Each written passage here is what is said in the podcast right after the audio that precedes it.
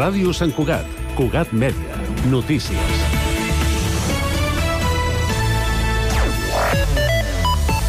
Bon dia, Sant Cugat és la ciutat catalana més jove, amb una mitjana de 39,9 anys. El municipi és l'únic de Catalunya que baixa dels 40, segons les dades del 2022 de l'Institut Nacional d'Estadística. De fet, també és una de les ciutats del país amb una taxa de natalitat més alta i més de 17.200 santcugatencs tenen menys de 15 anys. Malgrat aquestes dades, els indicadors de referència a la fecunditat i la natalitat del municipi cauen rere any des de fa dues dècades. Un dels senyals més evidents és que la del nombre de naixements. El 2022 2022 van néixer 751 santcuatencs, la xifra més baixa des de 1998. És dijous 7 de desembre de 2023. També és notícia que la primera escola de l'escriptor, emprenedor social i activista educatiu Borja Vilaseca obrirà portes al curs vinent i ho farà a Vall d'Oreix. Vilaseca, que s'autoanomena agitador de consciències, presenta un projecte educatiu que porta per nom Terra, on s'aplicarà una pedagogia basada en la psicologia de l'innat, on els infants i joves són considerats llavors que en si mateixes contenen tota la informació necessària per desenvolupar-se. Vilaseca ha explicat a Cugat Mèdia que l'escola Terra és un centre privat homologat pel Departament d'Educació d'Educació, que començarà el curs 2024-2025 amb alumnes d'infantil de 3 i 4 anys i s'anirà ampliant cada curs amb oferta fins a la primària, la secundària i el batxillerat. Avui coneixem la història de la Carmen Roig. És una santcugatenca que viu sense olorar i cada cop més també sense gust. Pateix anòsmia, que és un trastorn que implica la pèrdua total d'olfacte i que elimina també la capacitat de distingir sabors. Amb la pandèmia de la Covid-19 aquesta incapacitat va començar a ser coneguda, però Roig fa més de 7 anys que la pateix. En el seu cas va notar-ho de cop després d'un fort refredat que és una de les principals causes juntament amb al·lèrgies i sinusitis agudes, entre d'altres. Poden veure el reportatge íntegre a www.cugat.cat. Per cert, que segons l'OMS doncs, l'anòsmia afecta el 5% de la població. I l'ocupació de l'oficina de CaixaBank de l'Avinguda de Cerdanyola està començant a generar inquietud entre els veïns del barri de Sant Francesc i en especial entre els que viuen a l'edifici de sobre. Segons ha explicat a Cugat Mèdia, un representant dels veïns, però que no ha volgut donar el seu nom per prudència, amb l'arribada del fred de l'hivern temen que els ocupants del local es vulguin escalfar i provoquin sense voler un incendi. I cap de setmana de pont festiu per a la majoria d'equips, però n'hi ha quatre conjunts que tenen competició aquest dissabte. Destaquem el DCB Club Voleibol Sant Cugat, que visita la pista de l'MB Lugo dissabte a les 5 de la tarda amb opcions d'aconseguir el bitllet per la Copa de la Reina. Les de Rafa Ruiz depenen d'elles mateixes i amb un triomf aconseguirien aquest objectiu.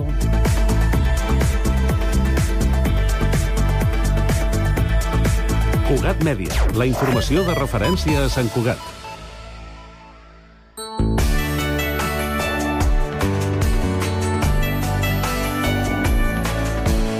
Ràdio Sant Cugat, Cugat Mèdia, 91.5 FM.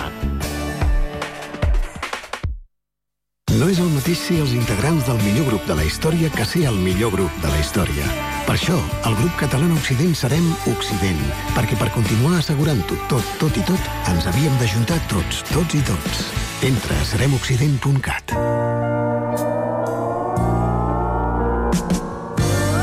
Pink Floyd Queen.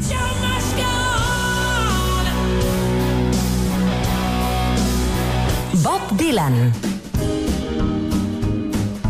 La música que ha marcat els millors moments de la teva vida a Jukebox de nit. Els dilluns a les 10 de la nit a Ràdio Sant Cugat. Hola, buenos días. Somos el programa Partú de Talleres de de Moragas. La Radio San Cugat. Buenos días, yo soy Rosa. Yo soy Alba. Ana. Yo soy Adriana. Javi. Lalo. Muy bien, chicos. Pues venga, adelante, Adriana, con nuestra primera sección. Es por tu casa arriba.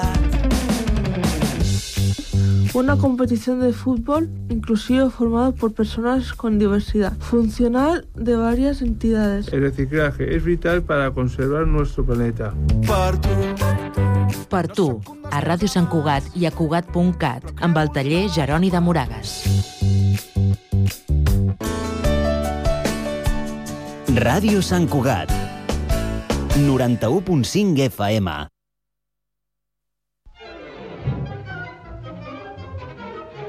Everything that happens in life can happen in a show. You can make them laugh, you can make them cry. Anything, anything can go. clown with his pants falling down or the dance that's a dream of romance or the scene where the villain is mean. That's Entertainer. Bon dia, passen 5 minuts de les 12. Se sent aquesta música i comença molta comèdia, que és el programa de les arts escèniques a Sant Cugat i de Sant Cugat. A veure, avui tindrem un convidat, tenim un convidat que no és de Sant Cugat, havia estat un temps aquí a Sant Cugat, però li fan una obra al Teatre de Sant Cugat la setmana vinent. Però abans... La humilia de molta comèdia. Avui la Immaculada Constitució ens deixa sense arts escèniques. Per què? Benvolguts germans en les arts escèniques, L'agenda que faig al final d'aquest programa demostra que gairebé no hi ha programació de teatre, de música, de dansa o de circ aquest cap de setmana. Ja sé que Trànsit va preveure que hi haurien entre dimarts i dimecres una sortida de 475.000 vehicles des de Barcelona i també suposo comptant amb la comarca. Per cert, com calculen aquestes xifres? És una incògnita que sempre m'ha fet pensar. 475.000 i per què no 480.000? I per què no 450.000? Bueno, segurament no ho entenc perquè ja fa temps que no comprenc determinades coses, però deixem-ho aquí i anem pel que volia dir, benvolguts germans. Sant Cugat del Vallès, molts en parlen i ningú sap on és. Es deia fa uns quants anys. Ara només dient Sant Cugat, tothom sap que parlem d'aquest Sant Cugat perquè, germans, hi ha altres Sant Cugats a Catalunya. Doncs aquesta ciutat que ha arribat a prop dels 100.000 habitants, a part del problema que contínuament repeteixo, que és que hi falten espais per les arts escèniques, considerant aquesta xifra de població i les característiques sociològiques i econòmiques, resulta que quan arribem a aquestes dates, en el seu espai primordial, al Teatre Auditori, no hi ha programació. No hi ha res. Tothom de Sant Cugat, les 95.512 persones censades, a part de les que no estan censades però també hi viuen, surten totes esperitades a esquiar a les cases rurals, a viatjar cap a Alemanya, a Àustria, on es trobaran mig metre de neu, o a Cancún. Bé, on sigui. Tothom se'n va? Jo crec que no. Que molta gent es queda. Es queda per moltes raons. Potser la primera perquè no té prou escalarons per viatjar. Potser perquè precisament no vol sortir en aquestes dates per no trobar-se amb tanta gent arreu. Potser perquè treballa. I així podria seguir fent suposicions, però ho deixo aquí. I arribat a aquest punt, com sempre, amb humilitat i esperança, demano a Déu que faci més que nosaltres. Amén.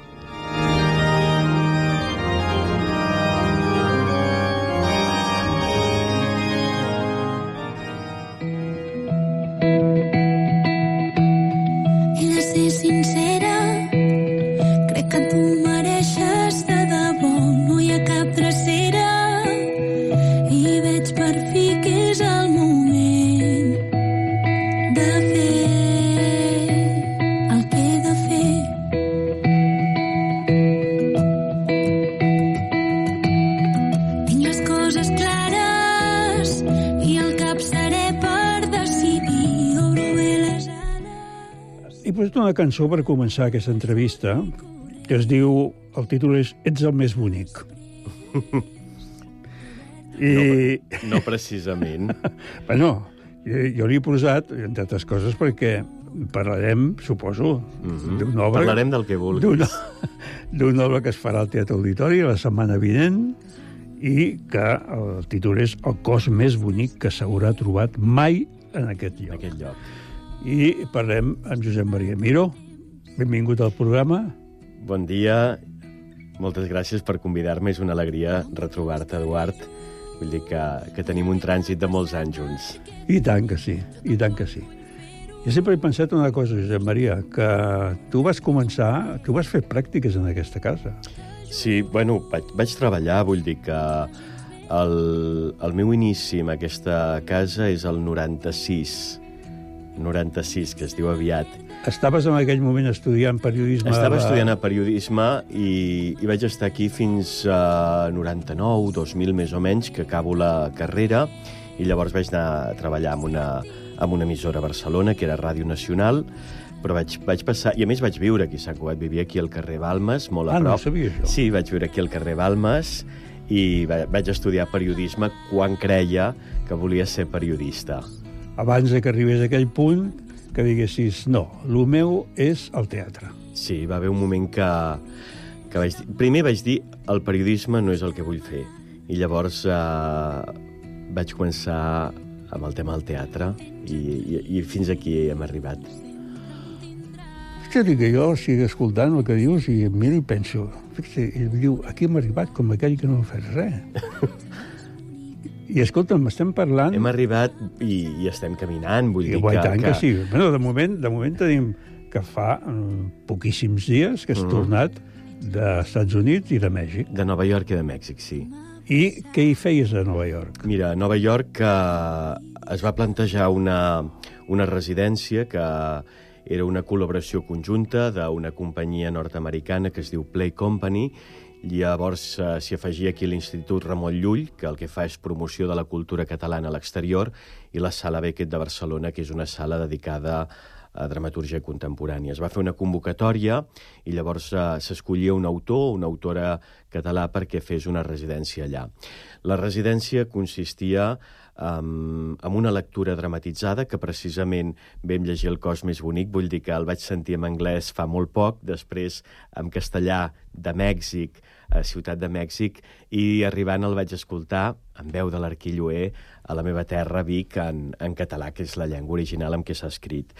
Uh, això era una part. Llavors ells em posaven en contacte amb alguns agents, actors teatrals uh, dels Estats Units perquè conegués i hi havia el compromís de començar a escriure o jo, jo sempre dic que més que escriure, perquè en tres setmanes, quatre, no tens temps d'escriure una obra, ni molt menys, uh, jo dic que a Nova York vaig anar a començar a somiar una obra. Em sembla que el moment que a mi m'agrada més d'escriptura és el moment que no escrius. Hi ha un moment que penses, que dius que escriuré, que vas uh, estructurant, ideant. Per mi és un temps que tot és possible i llavors hi ha una altra cosa que quan jo tinc clarificat tot això em poso a escriure. I per tant hi ha un text nou que sí que han començat a néixer primeres notes i, i tot això als Estats Units. Vaig aprofitar per veure molt teatre, per conèixer gent, per passejar, per, diguéssim, fer una vida uh, molt, molt, molt panoràmica i molt oberta. A Mèxic eh, es van cadenar dues aventures molt juntes. No? A Mèxic eh, m'havien ofert des del Centro Cultural Espanyol a fer una, un taller d'escriptura. Estaves a Mèxic, Districte Federal. Sí, a, a Ciutat de Mèxic. I era només una setmana i mitja, i llavors eh, durant quatre o cinc dies es va fer el taller, que jo feia els matins amb, amb escriptors, eh, alumnes, diguéssim, d'actors, eh, directors, eh, escriptors, i llavors al cap de setmana es feia una lectura del cos més bonic. Aquesta sí ja pensada amb cara a futur muntatge, perquè de cara a la temporada 2024 hi haurà un muntatge del cos més bonic a Mèxic, també n'hi haurà una a Perú, també n'hi haurà una a Grècia, vull dir que és molt emocionant veure context que neix a Catalunya, que jo sempre dic que és el més local que he escrit, perquè és una obra que jo la situo sobre el paisatge de, del meu poble, vull dir, configuro un poble que podria ser el meu, Prats de Lluçanès, i a partir d'aquí genero una ficció al damunt. I, curiosament, pensar en context tan profundament local, de cop i volta ho sents a Mèxic i et diuen això és un poble de Guerrero. L'any passat que es va estrenar a Uruguai em van dir això és un poble de l'interior de l'Uruguai. A Itàlia em deien el mateix. Els Estats Units també trobaven el seu símil amb una societat i fins i tot se'l va llegir una directora xinesa i em va dir mm, això l'hem de traduir al xinès, que no sé si ho farem o no, però jo dic, però mm, té algun sentit o realment... Diu, però si estàs parlant de nosaltres. I a mi se'm fa sempre curiós perquè, insisteixo, està escrit des d'una cosa molt íntima i molt local. Bueno, podríem dir, amb això que estàs explicant, que eh, aquesta obra, hi ha moltes, no només de les que tu has fet, Mm. el que arribes és a, a explicar la naturalesa humana. I per tant vol dir que aquesta naturalesa humana eh, no té, eh, no té uns, uns colors o no té només uns noms determinats. Mira, jo explico una cosa molt... Clar, per exemple, jo, la, la primera que em passa, que té un recorregut molt gran, va ser el principi d'Arquimedes, que és una obra que fins a dia d'avui s'han fet gairebé una cinquantena de produccions a tot el món. Per mi és una cosa que encara a dia d'avui penso, uau, com, com ha passat, no, això? I en el cas de, del cos, um, fa poc la... Fa poc, estic parlant d'un any, la van traduir al portuguès de, de Brasil. I el, el traductor, que més eh, ja hem generat un vincle d'amistat, em va dir escolta, Josep Maria, t'importa que un dia fem una trobada per internet, un Zoom, un Meet, una cosa d'aquestes, i jo llegeixo tota la traducció per veure com sona, i, i per mi és un moment interessant perquè dic, hi ha alguna cosa aquí que no sé si... I vull dir que la parlem i anem trobant els matisos de, de la traducció. I ell la llegia en un lloc amb les finestres obertes i, clar, de cop i volta escoltava jo aquest paisatge de ferratge, de camps de sègol, d'ordi, i escoltava per, per les finestres que entrava el soroll de lloros i papagaios. I em semblava que els lloros i els papagaios li quedaven molt bé amb aquest text, no? I em sembla que hi ha alguna cosa en què sí, que la, el punt de partida és un paisatge molt local, però hi ha alguna cosa, també aquesta cosa que es diu en, en alguns llocs de Pueblo Chico, Infierno Grande. Em sembla que això deu repetir-se a molts llocs del món. Eh, és una obra que parla sobre la diferència, sobre el cos, el cos com una qüestió política, i, per tant, eh, deu passar alguna cosa en aquest sentit que deu tocar a persones diferents i que deu tenir a veure amb això que dius tu de l'ànima humana.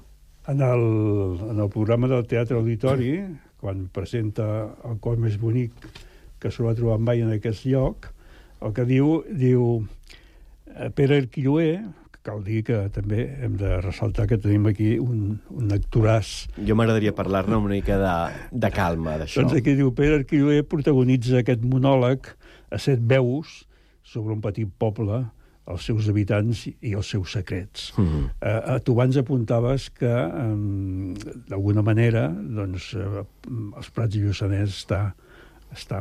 No cal que sigui una reproducció exacta de fets concrets que van passar allà i tal. No, no, no. cal, no. no cal.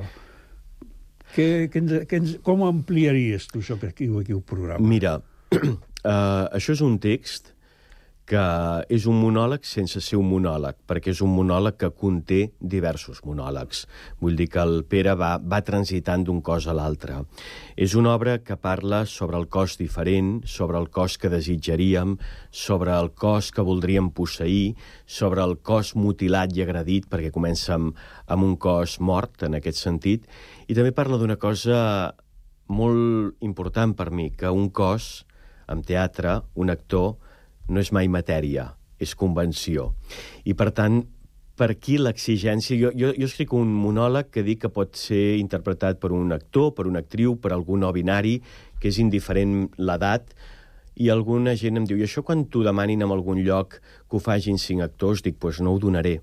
Un actor ha de passar per aquesta experiència i, de fet, el, el Xavier Albertí, que és la persona que, que ha dirigit el muntatge, que és el tercer muntatge que fem junts i que per mi és un dels grans directors que tenim al país en aquest sentit i amb qui, a banda, és un amic importantíssim, amb, amb qui llegeix per mi els primers textos quan, quan els acabo, de seguida, quan vam començar a parlar, vam dir uh, qui ho fa, això? I encara que sembla que el repertori és molt gran, no ho era tant.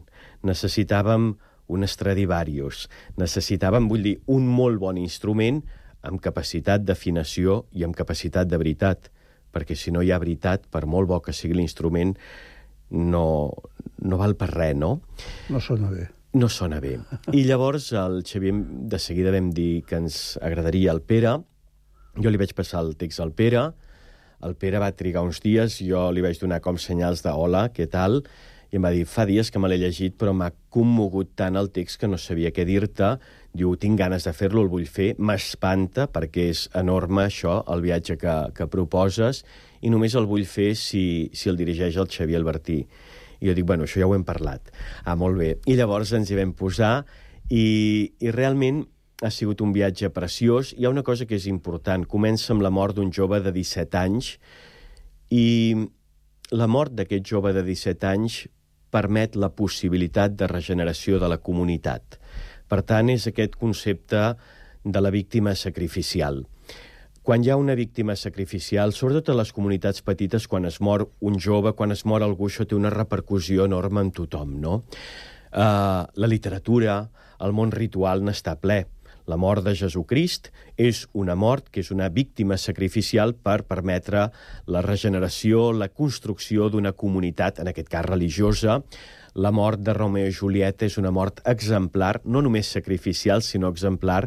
Després de la mort de Romeo i Julieta, eh, Verona s'ha de replantejar que dues famílies enfrontades no poden permetre la mort de dos joves. Per tant, per mi era molt important la mort d'un nano de 17 anys que de cop i volta fa que aquesta comunitat s'hagi de repensar i dir què ha passat en un poble tan petit, tan bonic, en què s'hagi destruït, s'hagi matat el noi més bonic del poble i de la comarca. És una obra que també parla sobre per què els éssers humans destruïm la bellesa. Diguem, per, per, per centrar el aquí, perquè m'hauria parlar de moltes més coses, que això representa el divendres 15 de desembre a les, 8, a les 20 hores, a les 8, i que la durada té una hora i 45 minuts, que també suposo que és un... Hora 30, una, 30... Una, un esforç mm. considerable, considerable. I també diem una altra cosa, aquesta obra va tenir el Premi Nacional de Literatura Dramàtica l'any passat. Mm. Però és que, clar, tu tens el Premi Nacional de Literatura Dramàtica l'any passat i tot just fa una setmana, no, no arriba ni una setmana, tens un altre premi, el Jardí Poncela, sí. Amb una obra que és Monstre. El Monstre, sí. Bueno, el Premi Nacional, és a dir, el, el cos va néixer amb un premi preciós, que era el Premi Born. Jo l'aconseguia per tercer cop amb el, amb el, amb el cos més bonic. Però, però, però Born d'una tradició llarguíssima, Clar, de Ciutadella... Absoluta. Vull dir, aquesta setmana el Pere ha estat a Ciutadella, al ah. Teatre d'Esborn, i per mi era una il·lusió enorme perquè he tingut tres borns, però no he pogut representar mai perquè el teatre havia estat tancat sí. gairebé 15 sí. anys. I, i mira, ara, ara el Pere, abans d'arribar aquí, m'ha enviat un, un text preciós de, de Menorca, es veu que va ser una funció meravellosa, i per mi era algo important que, que, que el text arribés allà on, on, diguéssim, era el, el primer reconeixement. Jo al Born m'hi vaig presentar, igual que el Jardiel Poncela. Amb el cas del Premi Nacional, que el dona govern espanyol, no et presentes. I, diguéssim, hi ha una comissió de 15 persones que et proposen i, per tant, jo arribava l'any passat, estava a Itàlia, havia passat dos mesos a Uruguai dirigint Temps Salvatge a la Comèdia Nacional, encara estava giradíssim perquè havia fet Uruguai, Argentina, Brasil, arribo a Itàlia i tinc una trucada al telèfon i veig un número que no conec, no em posa que és spam i quan despenjo em diu eh, soc la secretària del ministre de Cultura, diu que vol parlar amb vostè. Vaig pensar, espero que no, que no hagi fet res tan malament que m'hagi de trucar al ministre de Cultura. En aquell moment el ministre de Cultura era el Miquel Iceta i em va informar això, que s'acabava de fallar el Premi Nacional i clar, és, és, és una alegria perquè és un guardó importantíssim, a més eh, et proposen, cosa que, no, que, que és molt diferent, i, i a més rebre'l, era, era com molt màgic, no? Rebre'l eh, arribant a Itàlia, arribant precisament que feia un any que ja s'havia llegit el cos més bonic en, en italià, amb la Madalena Cripa, i de cop i volta aquest any em passa una cosa similar. Eh, estic de trànsit de Nova York a Mèxic, i em truquen, en aquest cas sí que m'havia presentat, es van presentar com 300 obres, a sobre tancat en aquest sentit, un jurat de, de 12 persones vinculades amb la dramatúrgia i de cop i volta doncs, van, van decidir que el monstre era el Jardiel Poncela d'aquest any i va ser una, una alegria enorme, sobretot també perquè per mi va ser una sorpresa enorme perquè no és un text que el trobi d'entrada ni convencional, ni fàcil, eh, que és un text que jo poso... Sempre hi ha gent que diu que, que hi ha alguna cosa de foscor als meus textos. Jo crec que no. Crec que el cos, encara que sembli fosc, és profundament lluminós. Un text que parla sobre la possibilitat de regeneració d'una comunitat em sembla que, que és lluminós. Amb el monstre poso un peu a la foscor. Però has, sí. has d'admetre, Josep Maria, que eh, totes les teves obres de convencionals no en tenen res. Intento, que, intento, en tot cas, que d'una obra a l'altra eh, no repetir-me en aquest sentit. Jo també estic constantment intento buscar, no? Vull dir que hi ha temàtiques amb les que sempre estan per allà, però hi ha elements formals, d'escriptura, de llengua. Per exemple, el eh, Temps salvatge, que és l'obra que hi havia abans del Cos més bonic, era una obra de supergran format, pensada per 10 eh, actors, amb un sistema molt, molt més clar de trama, i de cop i volta quan escric el cos passo a l'essencialisme absolut amb què tot passa per l'actor i la paraula, no?, en aquest sentit. Vull dir que, que sempre m'agrada passar d'un lloc a un altre i estar... Eh, si, si no m'avorriria. Vull dir que escric el que vull, intento fer el teatre que vull, que em sembla que el màxim... Per mi és una màxima, i és una màxima que fins a dia d'avui s'ha complert. He escrit el teatre que, que volia escriure, sense pensar... A vegades dic, jo no escric pel públic, escric per actors i per actrius. Això no vol dir que no espero que el públic vingui, que m'acompanyi. He tingut la sort que m'ha acompanyat, i molt, i no només a casa, sinó també a fora. Però he intentat eh, fer el teatre que volia. I per mi això és uh, la cosa que em fa més feliç, perquè fe, estic fent el teatre que vull i, i estic aquí. Quants, uh, quants idiomes estan traduït l'obra? Uh, mira, la, la que més ha sigut l'Arquimedes, que són unes 20-21 llengües. Però, per exemple, el cos ja està traduït ara mateix a 9. I, i, ja, i, ara, hem, i ara fa poc s'ha fet per primera vegada, s'han traduït quatre obres meves a una llengua que no s'havia traduït mai, que per mi és una, una alegria, que és l'àrab. I de cop i volta s'ha traduït l'Habitació Blanca, El cos més bonic, l'Arquimedes, i em sembla que és Temps salvatge, que més es publiquen amb, amb, un, amb un volum. I de cop i volta, quan... Lo de les traduccions eh, és preciós. És preciós Em sor- perquè... Em sorprèn, eh? Que em diguis amb l'àrab. Sí, a mi també. Per això et dic que, Sorprèn, eh? que per mi és una il·lusió perquè és no només una altra llengua, és un altre Però sistema... s'ha s'ha estrenat en algun... Encara no. Que s'acaba de traduir fa, fa molt poc i esperem que, que sí. Però vull dir que quan, quan hi ha... Aquests dies, per exemple, eh, jo sempre dic que, que tota aquesta internacionalització del teatre m'ha ajudat a ser una mica més panoràmic i més generós amb, amb mi mateix, amb, amb el meu material, de dir el meu material és una partitura que de cop i volta hi ha algú altre que ho llegeix d'una altra manera i de cop i volta aquests dies, per exemple, estan a, a Nova York i veient els assajos de la lectura del cos, algunes coses que veia actualment em semblaven precioses, perquè eh, en Pere Arquilloé eh, el que fa és magnífic. O sigui, tenim la sort de tenir un actor de la qualitat i la talla del Pere, el que fa és extraordinari. Jo li dic moltes vegades al Pere, jo veig la funció i em passa una cosa que em passa molt poques vegades, que és que m'oblido que he escrit jo aquest text. I això em passa, Eduard, molt poques vegades, perquè el meu cap funciona amb les lògiques de dir ara passarà això, allò, a veure aquí què passa i tal, no? I a vegades, pum, i dic, ha passat. I el Pere ho aconsegueix, això.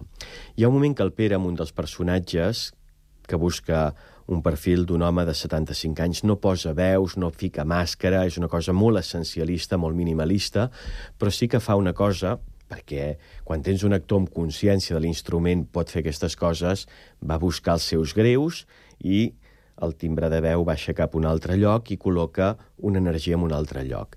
I això l'acosta molt a, un, a una tipologia de personatge que el podem reconèixer molt autòcton de casa nostra. De cop i volta, quan estava als assajos de Nova York, eh, l'actor que ho feia, un actor excel·lent, en aquest mateix moment... Ho coneixies? No, no el coneixia, ens vam conèixer allà. Vull dir que jo l'equip no el vaig conèixer fins, fins, fins a aquell moment. i, a més, un equip preciós. Aquell actor, en lloc de buscar els greus, buscava els aguts, la nasalitat, i de cop i volta jo veia aquest senyor gran de 75 anys que he vist en tantes pel·lícules nord-americanes de l'Amèrica profunda. I de cop i volta veure aquests viatges d'un actor buscant amb el seu instrument, amb la musicalitat. Jo una cosa que sempre dic que és molt important, que és entendre quina és la musicalitat de la teva llengua. Em sembla que un escriptor de teatre, em sembla que un actor ha de tenir consciència de com sona la seva llengua, per escriure-la i per dir-la. Um, jo que he tingut la sort d'anar molt a Argentina, sempre els hi dic, vosaltres us penseu que la musicalitat de la vostra llengua és espanyola. No. Vosaltres teniu la llengua espanyola i la vostra musicalitat, la vostra teatralitat és italiana.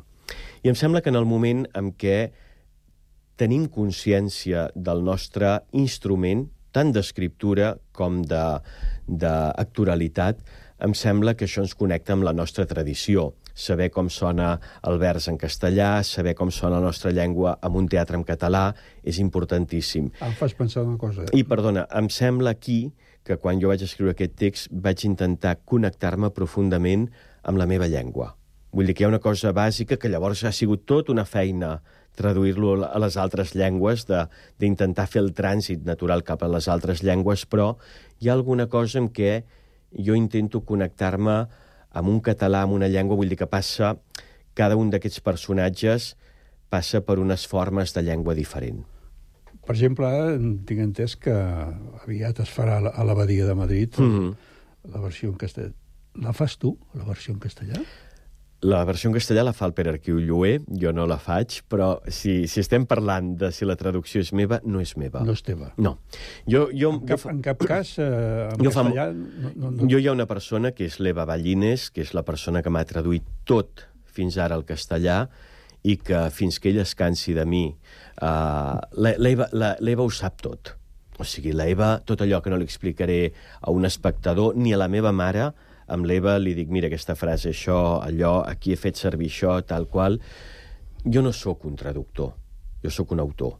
I de cop i volta eh, hi ha una llengua que domino, que és el català, i en castellà no sento que sigui una llengua que domino. Per això t'ho preguntava, perquè quan explicaves això i pensava... Mm, no, no ho sabia. Jo, jo sempre penso que per, per traduir-te a una altra llengua o l'has de dominar molt bé o has de ser molt ignorant i molt atrevit. Uh, jo hi ha alguns autors que es tradueixen al castellà que ho entenc perfectament. La Lluïsa Coniller té un domini absolut de les dues llengües. El Sergi Balbel té un domini absolut de les dues llengües. El Benet i Jornet, que era amic, uh, mai es va voler traduir. Mai. I era una qüestió de principis, en el cas del Papito. En el meu cas, podria ser de principis, però també és perquè no en sé i ni perquè m'avorriria. De cop i volta diria, què estic fent aquí traduint? Ho vaig fer una vegada molt al principi i vaig dir, mai més. Mai més. O sigui, ja estic dubtant de cada paraula, m'avorreix, no... El, la meva feina no, no m'agrada fer el trànsit a l'altre... A mi m'agrada eh, escriure, m'agrada generar un, una obra nova, no, no traduir-me a mi mateix, i no, no ho faig. I m'ho han demanat moltes vegades de...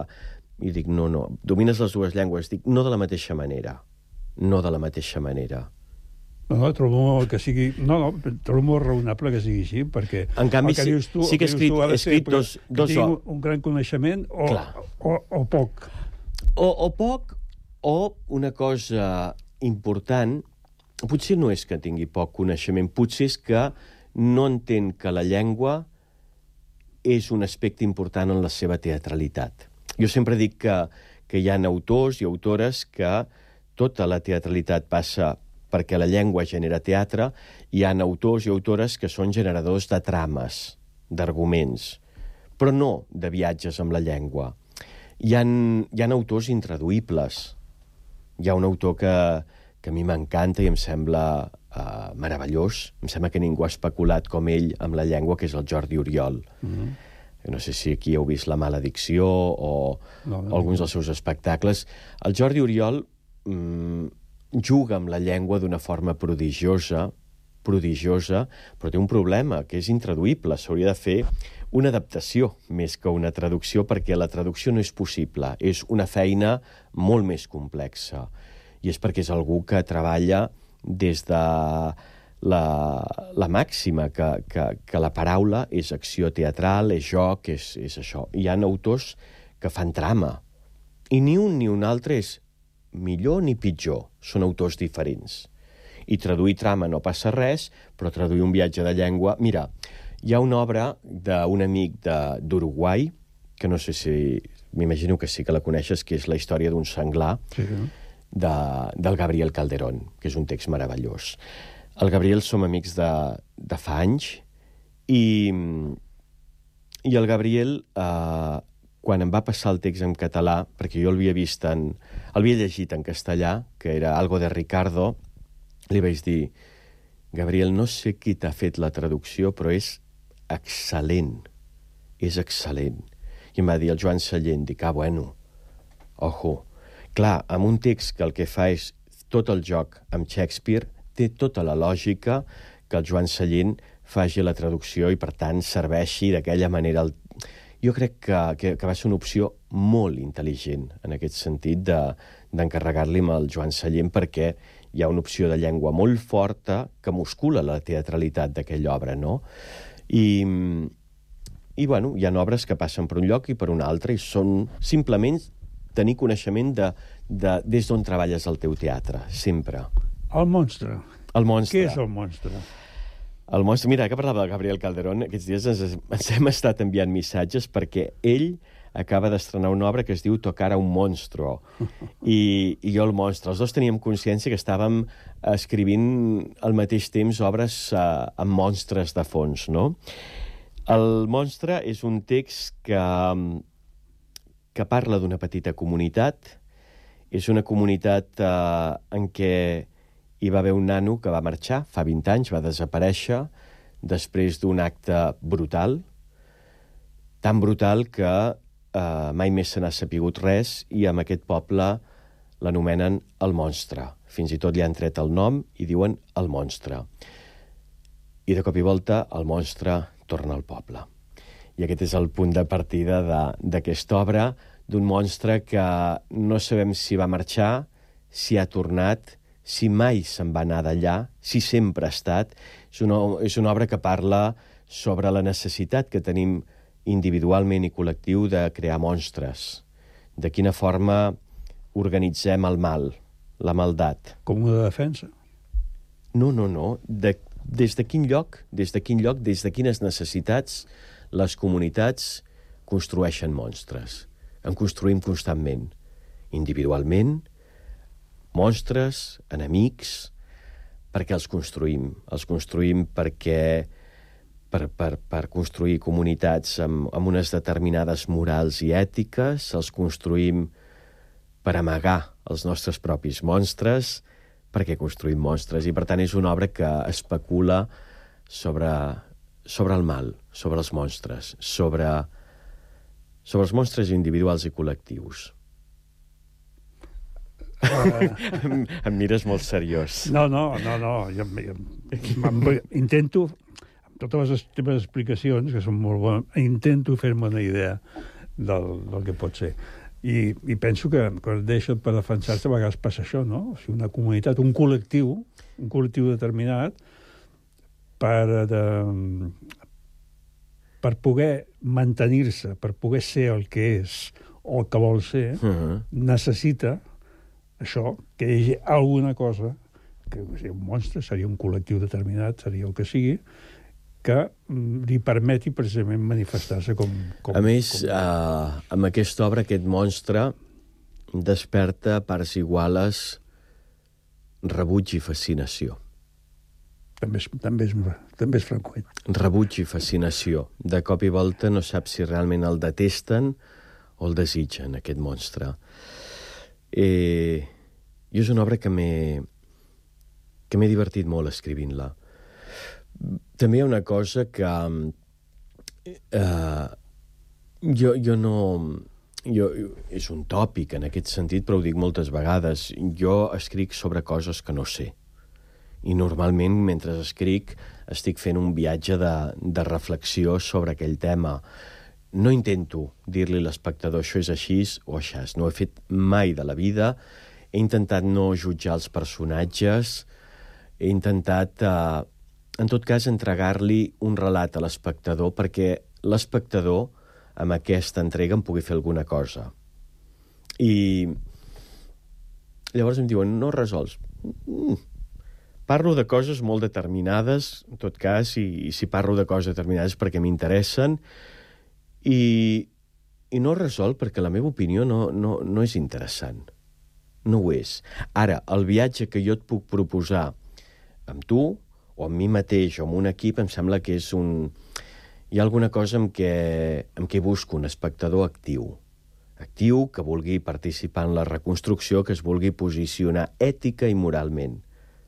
I, per tant, eh, obro joc, en aquest sentit. Em sembla que és un, un teatre que intenta obrir joc sempre, i debat, i reflexió, i, i ser testimoni també d'un temps que és el, el meu i el teu, el nostre.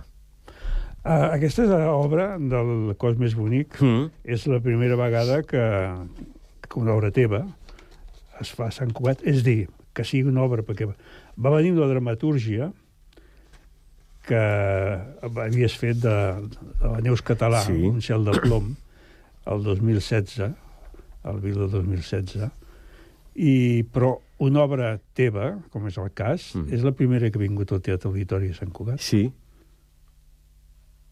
I per què creus que és així? Ah, bueno, això... Uh... això ja no ja és sé, cosa... Ja, ja sé, no... També tu... dic una cosa. Uh, les gires s'han... s'han complicat molt. I tant. S'han complicat molt. Llavors, uh, hi ha alguna cosa en què a vegades és difícil...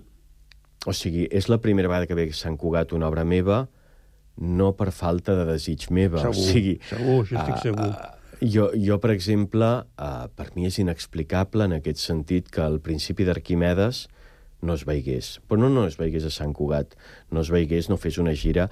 El principi d'Arquimedes, que és una obra que a mi em feia molta gràcia perquè veiem que hi ha sistemes teatrals diferents, eh? I, i amb logístiques diferents i amb realitats diferents. Les temporades que... El que per nosaltres és una temporada que és entre 3 i 5 setmanes, que és lo normal, eh, hi ha països que un cap de setmana és una temporada. Quan es va fer el principi d'Arquimedes a Miami, que es va fer a Miami, van dir això només aguantarà un cap de setmana. Em va aguantar 8, i allò va ser extraordinari. Uh, a l'Argentina, al principi d'Arquimedes, va fer 3 anys. 3 anys. Jo me'n recordo que va fer alguna parada pel mig i deia «Volvemos solo 8 semanas». I jo llegia lo de solo 8 setmanes i pensava, carinyos, o sigui... I pensaves aquí... 8 setmanes. En 5, en 5 setmanes i 6 setmanes. Uh, la gira de l'Arquimedes a Catalunya va, va tenir, es va estrenar a la Beckett i llavors va anar a la Villarroel uh, diguéssim, va fer un salt de, de, del festival grec que es feia a la Beckett, va anar després a la Villarroel. Bolos en van sortir quatre a tot Catalunya.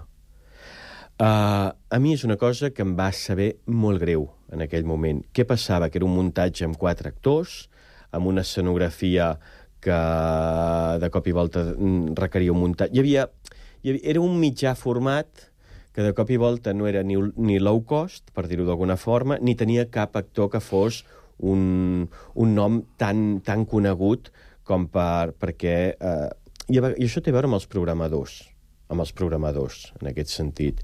I a mi que l'Arquimedes tingués un, una vida tan curta, amb, amb gira, eh, pues sí, em va saber greu, perquè es mereixia, en tot cas un espectacle que havia tingut la repercussió que havia tingut, tenir un recorregut més gran. En aquest sentit, eh, mira, li hauries de demanar amb el Pep Dugas, que va ser... I, i jo la vaig tenir aquesta discussió amb el Pep, en aquest sentit. Clar, eh, ara hi ha, hi ha muntatges que, afortunadament, es, es generen una mica més de, de gires i hi ha, hi, ha, hi ha coses, però les gires són complicades i té molt a veure amb la valentia dels programadors, també. També. Vull dir que jo acabo de fer un espectacle del que estic molt content, que es diu Jo Travesti, que el vam fer a la presó a la Model, llavors se'n va anar el, el, a la brossa, a la brossa no vull dir les escombraries, sinó No, no, no, no, a l'espai Joan brossa. M'encanta, que, que ara, ara reivindiquen molt la brossa, no? I dius, ens trobareu a la brossa.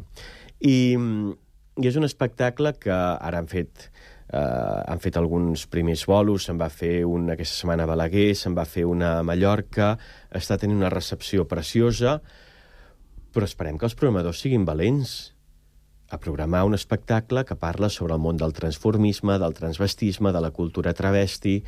La recepció que hem tingut a Barcelona i de públic ha sigut meravellós, i amb els primers bolos també. Ara, falta veure com s'animen els teatres a programar un espectacle de cultura travesti, sobre el transformisme, sobre la tradició de més canalla del nostre barri xino de Barcelona, de, també eh, a Madrid també hi havia tot, tot, tot uns símils, tot, tot un moviment a principi de segle. Això del transformisme no és una cosa que neix a final del segle No, XX. no. Finals del XIX, a principis del XX, ja teníem eh, a l'Edmond de Bries, teníem una sèrie de personatges que imitaven les Pastores Imperios, la Raquel Meyers, i hi ha una tradició enorme que de cop i volta, quan la gent venia a veure aquest espectacle, deien «Uau, hi ha moltes coses que no sabíem en un espectacle, que riem, que ens emocionem, i que de cop i volta ens pensàvem que això era tot molt més recent, i no, el transformisme té 100 anys d'història. Expliquem-ho.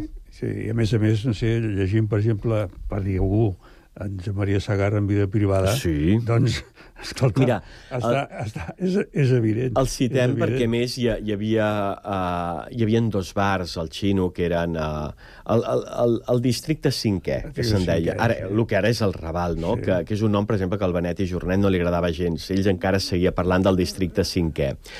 Hi havia la Criolla i, Sa i Cal Sagristà, Exacte. que eren dos llocs on precisament la confluència, diguéssim, de, de, d'homes vestits de dones, d'homes emparellats amb homes, es produïa a principi de segle XX. Uh, Josep Maria de Sagarra i Josep Maria Planes en parlen d'aquests locals. Diuen que hi havia locals d'invertits, que era la paraula que es feia servir al moment, i em sembla que és el Sagarra que utilitza Diu, hi havia un bar d'equivocats, que a mi m'encanta, això de, de, de bar d'equivocats. I als Estats Units eh, també hi havia un nom semblant, que era bars de desordenats.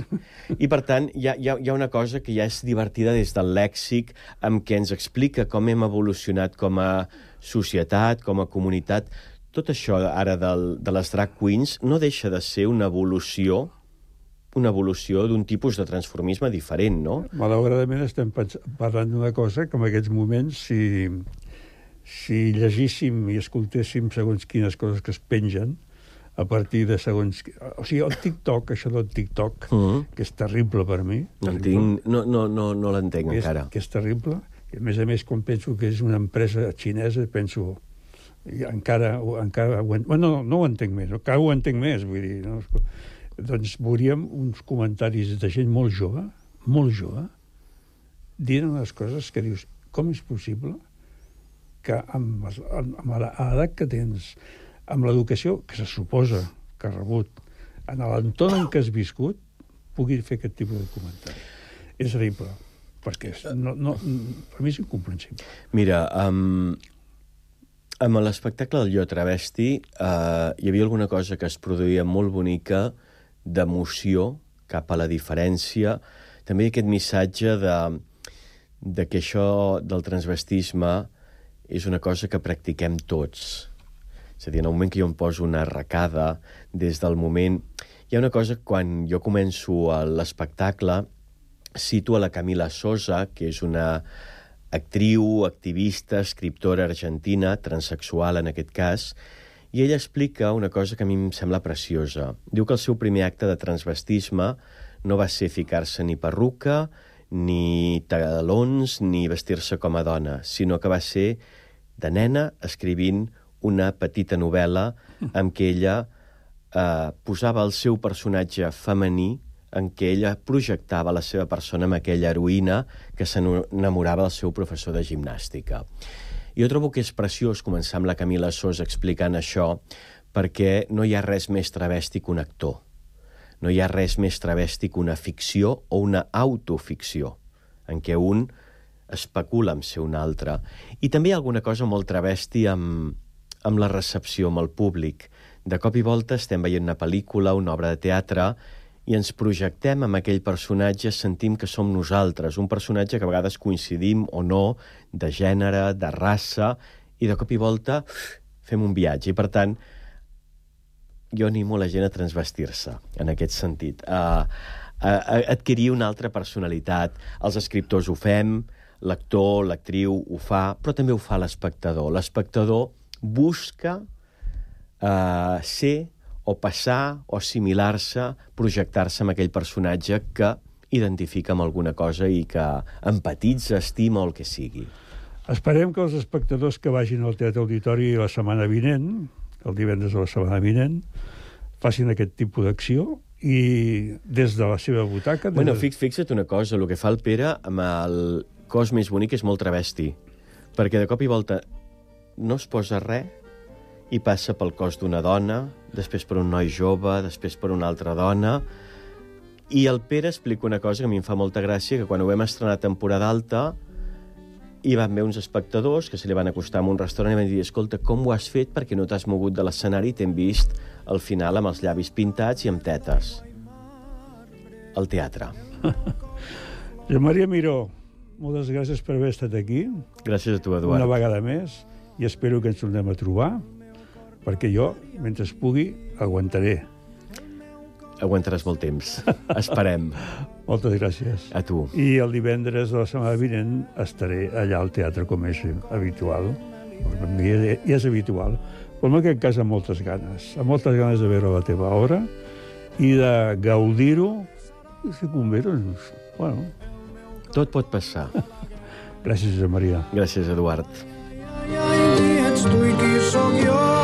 Ai, ai, ai, ai, que ens mou endavant. Ai, ai, ai, ai, ni millor ni pitjor. Ai, ai, ai, ai, este cor riu de sang.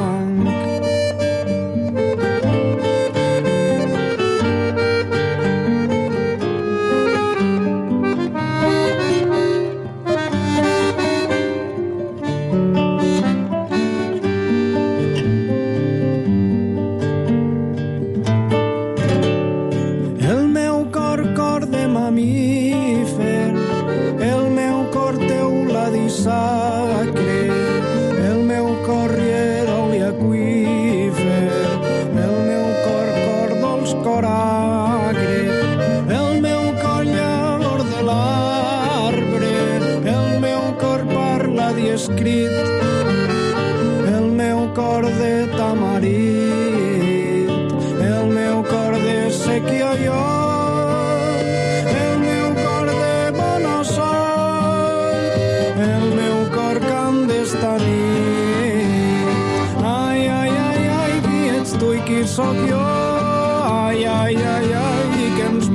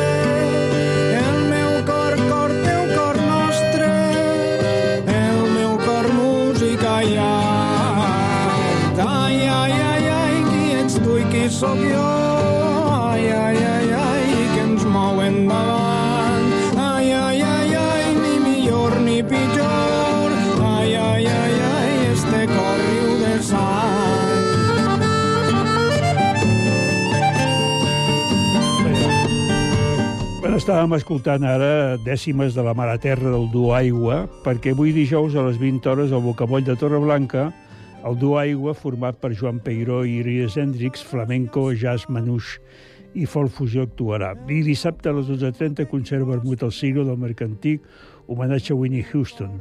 I el diumenge a les 12.30 també el sigo concert vermut d'Afriritmis Afrobat. Jo, com deia aquesta molia d'aquest d'avui, no hi ha programació i avancem que el dijous vinent, dia 14, tindrem la cambra de l'Ateneu a les 19 hores, Copla Flamenco Jazz amb Lina León. I també dijous a les 20 hores al Teatre Auditori de New Orleans Gospel Stars amb un concert de Streets of New Orleans. Un sentit homenatge a la ciutat en set veus i set instrumentistes. I la setmana vinent, si no hi ha novetat, parlarem de Pedra i Sang, l'obra que es fa als Lalals de Sant Cugat. Fins i ja us vinent. Adeu. Adeu.